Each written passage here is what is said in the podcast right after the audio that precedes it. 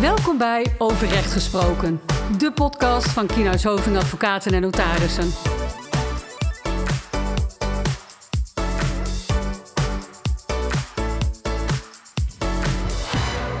Welkom bij de volgende aflevering van Overrecht Gesproken, de twaalfde aflevering alweer. Voor onze nieuwe luisteraars, mijn naam is Nelleke Jans en ik ben advocaat ondernemingsrecht bij Kienhuis Hoving. Naast ondernemingsrecht houd ik mij ook bezig met innovatieve ontwikkelingen, zoals bijvoorbeeld de blockchain. En dit is precies het onderwerp waar we het vandaag over gaan hebben. Dit is eigenlijk ook meteen een bijzondere aflevering. Er zit op dit moment namelijk geen collega naast mij. Nee, dit keer zal er een externe spreker worden ingebeld voor een interview, waarbij ik de vragen zal gaan stellen aan iemand die heel veel weet op het gebied van de blockchain. En die persoon is niemand minder dan Jan Veuger, lector van het lectoraat blockchain van het Saxion. Jan kan jullie alles vertellen over de technologie blockchain en de mogelijke toepassingen daarvan. Dit wordt dan ook geen juridische podcast, maar een inleiding in de blockchain. De podcast is bedoeld voor een ieder die blockchain interessant vindt en die er meer over te weten wil komen. We gaan hem nu inbellen.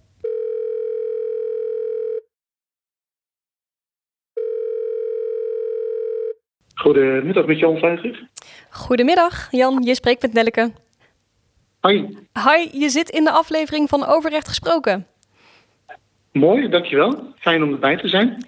Ja, hartstikke leuk om het op deze manier met elkaar over blockchain te gaan hebben. Dat uh, heb ik zojuist al aangekondigd aan onze luisteraars. Maar voordat we op het inhoudelijke deel ingaan, denk ik dat veel van onze luisteraars toch wel erg benieuwd zijn naar wat je achtergrond precies is en wat het lectoraat blockchain nu precies inhoudt. Kan je daar misschien mee beginnen? Ja, ik ben in aanraking gekomen met blockchain in 2016 toen ik lector was bij de Hans Hogeschool. Toen gingen we een tweetal lectoraten samenvoegen. En wat ik als lector, heel belangrijk vind is om te kijken wat gebeurt er in de maatschappij en wat betekent dat voor het onderwijs. Dus zodoende onderzoek gedaan uh, rondom blockchain. En uh, in dit geval, uh, wat zijn de effecten van digitalisering en blockchain naar vastgoed toe. maar er was ook een vacature bij Saxion. En de reden van overstap was om naar dit lectoraat te gaan, blockchain. Is dat het, de thematiek van het lectoraat blockchain gaat over drie academies heen. 19 opleidingen en dan 10.000 studenten. Dat wil natuurlijk niet zeggen dat iedereen blockchain miner moet zijn, dat is natuurlijk onzin. Maar wel dat het heel veel opleidingen gaat raken. Um, dat was voor mij een hele interessante overstap. Nou, dat is nu uh, februari twee jaar geleden. Um, en ik moet zeggen dat het uh, een zeer fijne overstap is en ook blijft, denk ik. Um, het lectoraat blockchain werkt eigenlijk altijd in een trias. Dat gaat over onderwijs, onderzoek en het bedrijfsleven. En, en midden in die trias, daar werken we eigenlijk al in als lectoraat. Dus we kijken heel goed wat gebeurt er in de maatschappij, wat, wat, wat is de vraag van het bedrijfsleven. Uh, we betrekken altijd uh, het onderwijs erbij, dus ook, ook studenten. Maar werken ook mee aan de curriculumontwikkeling bijvoorbeeld van de opleidingen. Dus hoe gaan de nieuwe professionals eruit zien? Um, en we doen natuurlijk onderzoek, en dat is soms fundamenteel onderzoek met promotieonderzoeken. Maar ook gewoon werkveldonderzoek, maar ook heel veel onderzoeken met studenten. En dat is denk ik even kort uh, overleg eraan. Dus jullie werken eigenlijk op dit moment met meerdere partijen samen en uh, hebben daarbij een mooie combinatie van praktijk en de theorie. Begrijp ik dat goed? Ja, want uh, waar ook bij mij de energie zit, er is natuurlijk altijd wel veel discussie rondom blockchain of in het bijzonder bitcoin. Maar ik wil bij de, bij de verhalen wegblijven en vooral naar de feiten kijken. Dus wat, wat is het daadwerkelijk? En aan de ene kant moet je gewoon kijken wat de maatschappij doet, dus praktijkonderzoek. Aan de andere kant probeer ik ook de verbinding te hebben met wetenschappelijk onderzoek. Dus vandaar ook de promovendi-onderzoeken, zodat je ook echt wetenschappelijk kunt aantonen wat wel werkt, wat niet werkt, et cetera.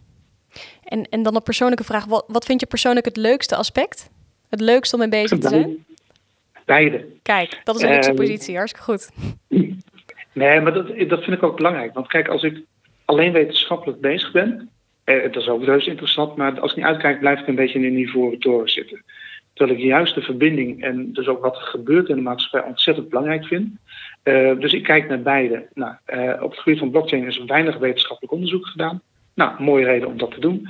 En aan de andere kant van ja, het moet ook werkbaar zijn voor mensen. Als ik iets bedenk voor mensen, of we doen als lectoraat, uh, uh, maar je kunt er niks mee en het staat leuk, leuk op tafel, bij wijze van spreken. Ja, dan heb je leuk plezier gehad met elkaar, maar het heeft geen toegevoegde waarde. Ja, Ja, nee, hiermee maak je eerlijk gezegd meteen ook een mooi, mooi bruggetje naar, naar de inleiding van, van wat is nu precies het idee achter deze podcast. Want wij krijgen in de, uh, regelmatig ook de vragen van, nou ja, één, wat is precies blockchain? Daar komen dan zo dadelijk nog op. Maar ook twee, mhm. wat, wat kun je er eigenlijk mee en voor, voor wie is het interessant? Dus het, het idee van deze podcast hè, was dan ook dat we um, uh, voor de luisteraars inzichtelijk zouden kunnen maken. Niet alleen wat blockchain nou eigenlijk precies is, maar vooral ook voor wie is het relevant en voor welke sectoren of branches, om het zo maar te zeggen. Um, ja, uh, het, gaat iedereen raken, is mijn stelling. Ik krijg die, vaak, die vraag in de lezing ook wel van ja, meneer uh, Veugen, denkt u dat het uh, allemaal overwaait of, of gaat het mainstream worden? Nou, ik heb al meerdere malen geroepen dat het binnen vijf jaar mainstream gaat worden. En dat roep ik al een jaar lang. Dus het begint nog aardig op te schieten. Maar het raakt iedereen zonder dat je het zelfs ook in de gaten hebt. En dat is helemaal niet erg. Maar je hebt er vaak al mee te maken zonder dat je het in de gaten hebt. Nou, en dat is misschien ook wel een leuke vervolgvraag die ik meteen even wil stellen. Nu gaan we wel een beetje voorop op, op, op, op het inhoudelijke deel, maar het is een vraag die, die niet minder relevant is en mooi aansluit bij wat je nu zegt. Uh, ik uh, nog wel de vraag, hoe actueel is blockchain nog? Hè? En, en blockchain en bitcoin wordt dan eigenlijk ook vaak door elkaar gehouden. Uh, ja. goed, dat, dat, dat, dat zal je waarschijnlijk ook heel vaak hebben gehoord. Maar vooral de vraag of dat blockchain nog steeds actueel is. Er werd heel veel media-aandacht aan gegeven in de afgelopen jaren, met name 2017, 2018. En nu krijg ik nog wel eens de vraag als ik iets post op het gebied van blockchain van oké, maar hoe actueel is het nog? Je, je leest er veel minder op. En wat, wat is jouw gevoel daarbij? Nou, uh, ja, we kunnen het over feiten hebben, gevoelens. Uh, als we het over feiten hebben, uh, dit soort nieuwe technologieën, maar dat geldt ook kunstmatige intelligentie bijvoorbeeld, die worden door Gartner, dat is een onderzoeksbureau wereldwijd, jaarlijks in, in, in, een frame gezet, zeg maar. Dus die geeft een beeld weer van wat de stand van zaken was. Nou, dan heb je een model wat, wat in één keer omhoog gaat. Dus iets, iets begint echt te hypen. Daarna is, is de aandacht weg en daarna gaat het zich steady ontwikkelen. Nou, als je naar blockchain kijkt, dan in 2015 zat het boven in de curve van hypen. Dus waar je ook las, het was allemaal blockchain voor en blockchain na. En als je nu naar de laatste figuur kijkt van het onderzoeksbureau, dan zit blockchain in de opgaande lijn van dat het zich steady gaat ontwikkelen. En dat klopt ook wel, uh, want wat je ziet, er is veel gehyped. Het haalde in, in, in december 2018 ook de Volkskrant dat de voorbijging en dat de hype voorbij was. Nou, ik, ik heb natuurlijk dat stuk gelezen, werd er ook erop aangesproken. En dan bleken dan twee bronnen te zijn die niet helemaal klopten. nou, en dan krijg je dan de media-aandacht op een, vind ik, een wat een niet goede manier. Ja. En als je nu kijkt, het ontwikkelt zich heel steady. Dus, dus je hoort het niet continu in, in de krant. Uh, maar dat geldt ook voor andere uh, dingen in de media. Soms is iets heel erg trendy en daarna zakt het weg en dan kijkt er niemand meer naar. Ja. Uh, maar de blockchain ontwikkelt zich gewoon heel, heel steady wat dat betreft. En er zijn op dit moment wel een paar actuele ontwikkelingen, daar kunnen we het straks nog even over hebben, die dat ook duidelijk aangeven dat dat inderdaad het geval is. Um, daarnaast heb je natuurlijk de bitcoin, waar heel veel over gesproken wordt. bitcoin is een van de eerste toepassingen op blockchain. Dus in die zin uh, heel goed, want hij bestaat nog steeds en hij is never en nooit niet gekraakt. Uh, dus het bewijst zichzelf. Maar Bitcoin is een van de 200 currencies, dus digitale munten. Dus er wordt vaak verwarring gemaakt tussen geld, dus een Bitcoin, maar dat is een, een vormdiscussie, en de onderliggende gedachte en de techniek, en dat is dan de blockchain. Wat je ermee kunt. Om ja, en by the way, sorry, nee, by the way met Bitcoin, die staan ook weer heel erg hoog. Maar dat is ook een economische wet. Uh, iets wat heel erg omhoog gaat, kan ook heel snel naar beneden. Dat heeft niks met bitcoin te maken, maar gewoon met de economische wet. En uh, wat bijzonder is aan de bitcoin, er zijn maar een bepaald hoeveel, aantal hoeveelheden. En als wij nu als overheid, als banken geld te weinig hebben, gaan we geld bijdrukken. Met de bitcoin kun je geen bitcoins erbij drukken, zeg maar. En dat is het essentiële verschil. Het zijn er 21 miljoen, dacht ik toch, die maximaal gemined kunnen worden? Ja, klopt. En, en dat is ook de essentie ervan. Van, uh, er is maar een bepaalde hoeveelheid. En als heel veel mensen daar belangstelling voor hebben, ja, dan wordt het meer waard. En dat is gewoon een normale economische wet. Vraag en aanbod. Uh, ja, zeker. En, en uh, het is ook een gesloten systeem, die bitcoin. Uh, wat, wat wij hebben zeg, met onze monetaire unie, ja, dat is een open systeem. In die zin van, wij kunnen aan de rente sleutelen, we kunnen geld bijdrukken. Um, ja, en, en dat is op zich natuurlijk heel bijzonder. Want zo komt een overheid natuurlijk nooit geen geld tekort. En wat is blockchain nu eigenlijk precies? Want je, je benoemde cryptocurrencies. Nou, die, die, daar lees je heel veel over, zie je heel veel over. Maar juist blockchain, dat hoort nu zeg maar de technologie te zijn die veilig is, die potentie biedt voor diverse toepassingen, uh, die voor heel veel bedrijven en uh, uh, overheden relevant kunnen zijn door eigenlijk de, toepassingen die er mogelijk van zijn. Kun je, kun je daar wat meer over vertellen? Eh, ja, dat kan ik zeker. Ehm, als ik het heel eenvoudig zou moeten uitleggen, dan als je het hebt over internet, dan wissel je gewoon informatie uit. Dus, dus juist hier is bij mij, we delen documenten, dus dat is 100% informatieuitwisseling. En wat je met een blockchain gaat doen, is dat je waarde gaat uitwisselen. Dus ik verkoop mijn woning aan jou en dan gaan we dat digitaal regelen. Nou, dat is anders dan dat we gewend zijn, zoals we dat met een makelaar en notaris doen. Uh, dus wat je feitelijk doet met een blockchain is in een netwerk.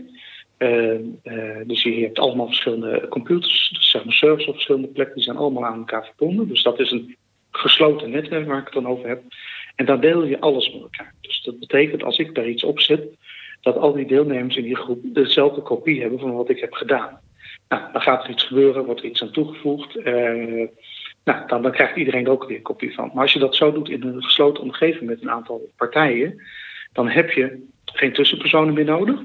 Uh, dat is één. En daar zit vaak ook een beetje de angst in de markt van. Uh, ja, dat men lastig vindt om blockchain te adopteren, want je komt ook aan business cases.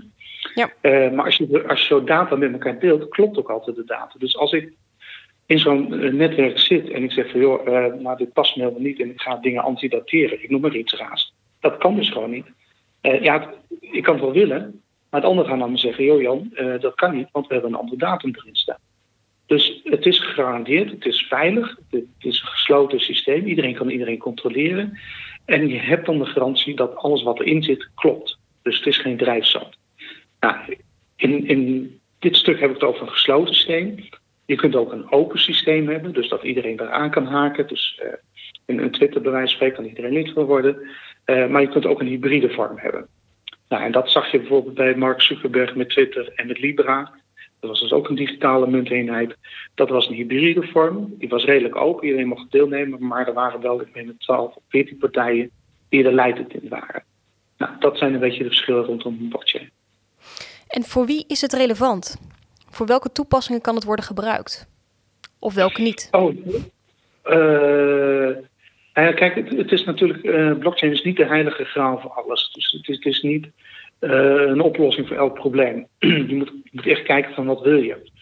Kijk, als ik hier achter mijn laptop zit en ik heb hier mijn dataopslag en, en that's it, ja, dan heb ik geen blockchain nodig. Want ik bepaal wat er gebeurt, wat ik wel bewaar en niet bewaar, bij wijze spreken.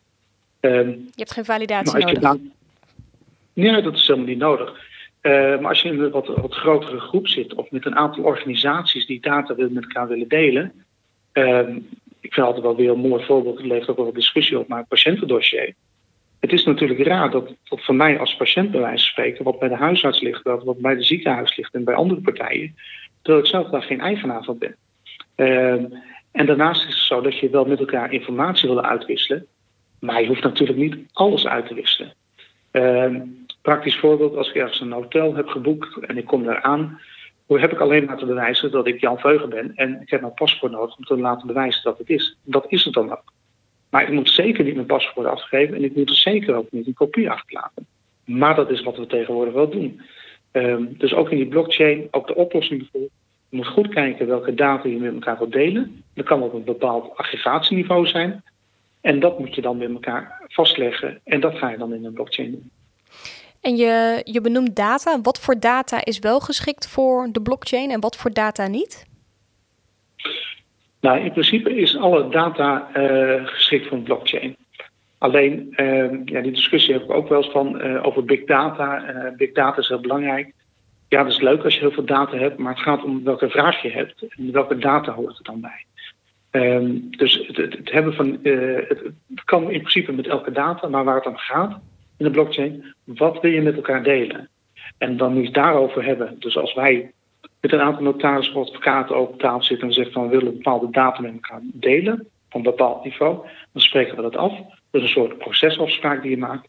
En die procesafspraak die ga je dan digitaliseren en die ga je vastleggen in de blockchain. Dus als wij zo met elkaar gaan, verder gaan samenwerken, dan beschikken we altijd on real-time over dezelfde informatie. En om een beter voorbeeld te krijgen, of in ieder geval um, iets te visualiseren voor onze luisteraars.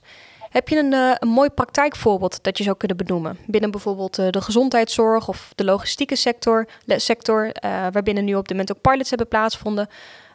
nou ja, die eigenlijk het beeld geven of, of, of, of weer spreken dat, dat blockchain relevant kan zijn. Uh, als ik het gewoon heel praktisch maak, uh, ik gebruik vaak wel het voorbeeld van uh, de kaartjes die je van Jochem Meijer kunt kopen. Uh, wat hij als artiest wil, is gewoon zijn eigen publiek bedienen voor normale prijs en dat er geen tussenhandel tussen zit. Nou, dat, dat werkt al op een blockchain. Daar merk je zelf helemaal niets van. Niet anders dan dat je gewoon kunt inloggen, kaartje kunt bestellen, kunt betalen. En een uur voor aanvang krijg je een QR-code en kun je naar binnen. Op het moment dat je eruit loopt, ben je je QR-code kwijt. Dus vlak voor de voorstelling heb ik nog niks om te verhandelen. En ik krijg iets en ben binnen en daarna is het weer weg. Nou, dat is gewoon een heel praktisch voorbeeld. Um, als je daar verder niet bij stilstaat, dan, dan krijg je helemaal niet mee dat het op een blockchain werkt. Maar wat wel heel goed werkt, is dat als ik een kaartje wil, dat ik het niet meer op de zwarte markt hoef te kopen, bij wijze van spreken.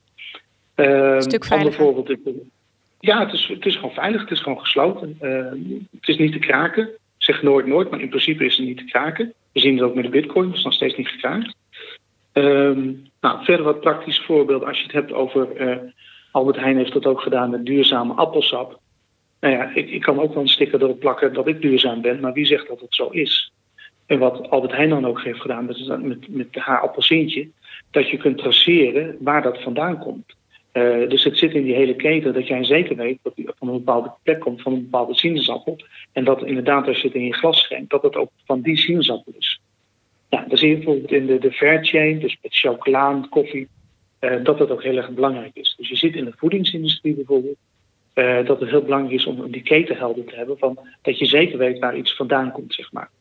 Nou, dan kun je het ook nog wat zwaarder maken als je bijvoorbeeld naar de uh, containerterminals kijkt in Rotterdam, dus het, het verschepen van, van containers, et cetera. Dan heb je het bijna ook op een gegeven moment over supply chain management. Dus je zit in een bepaalde keten te werken. Nou, wat je heel graag wilt als je in de keten werkt, dat je over dezelfde informatie beschikt.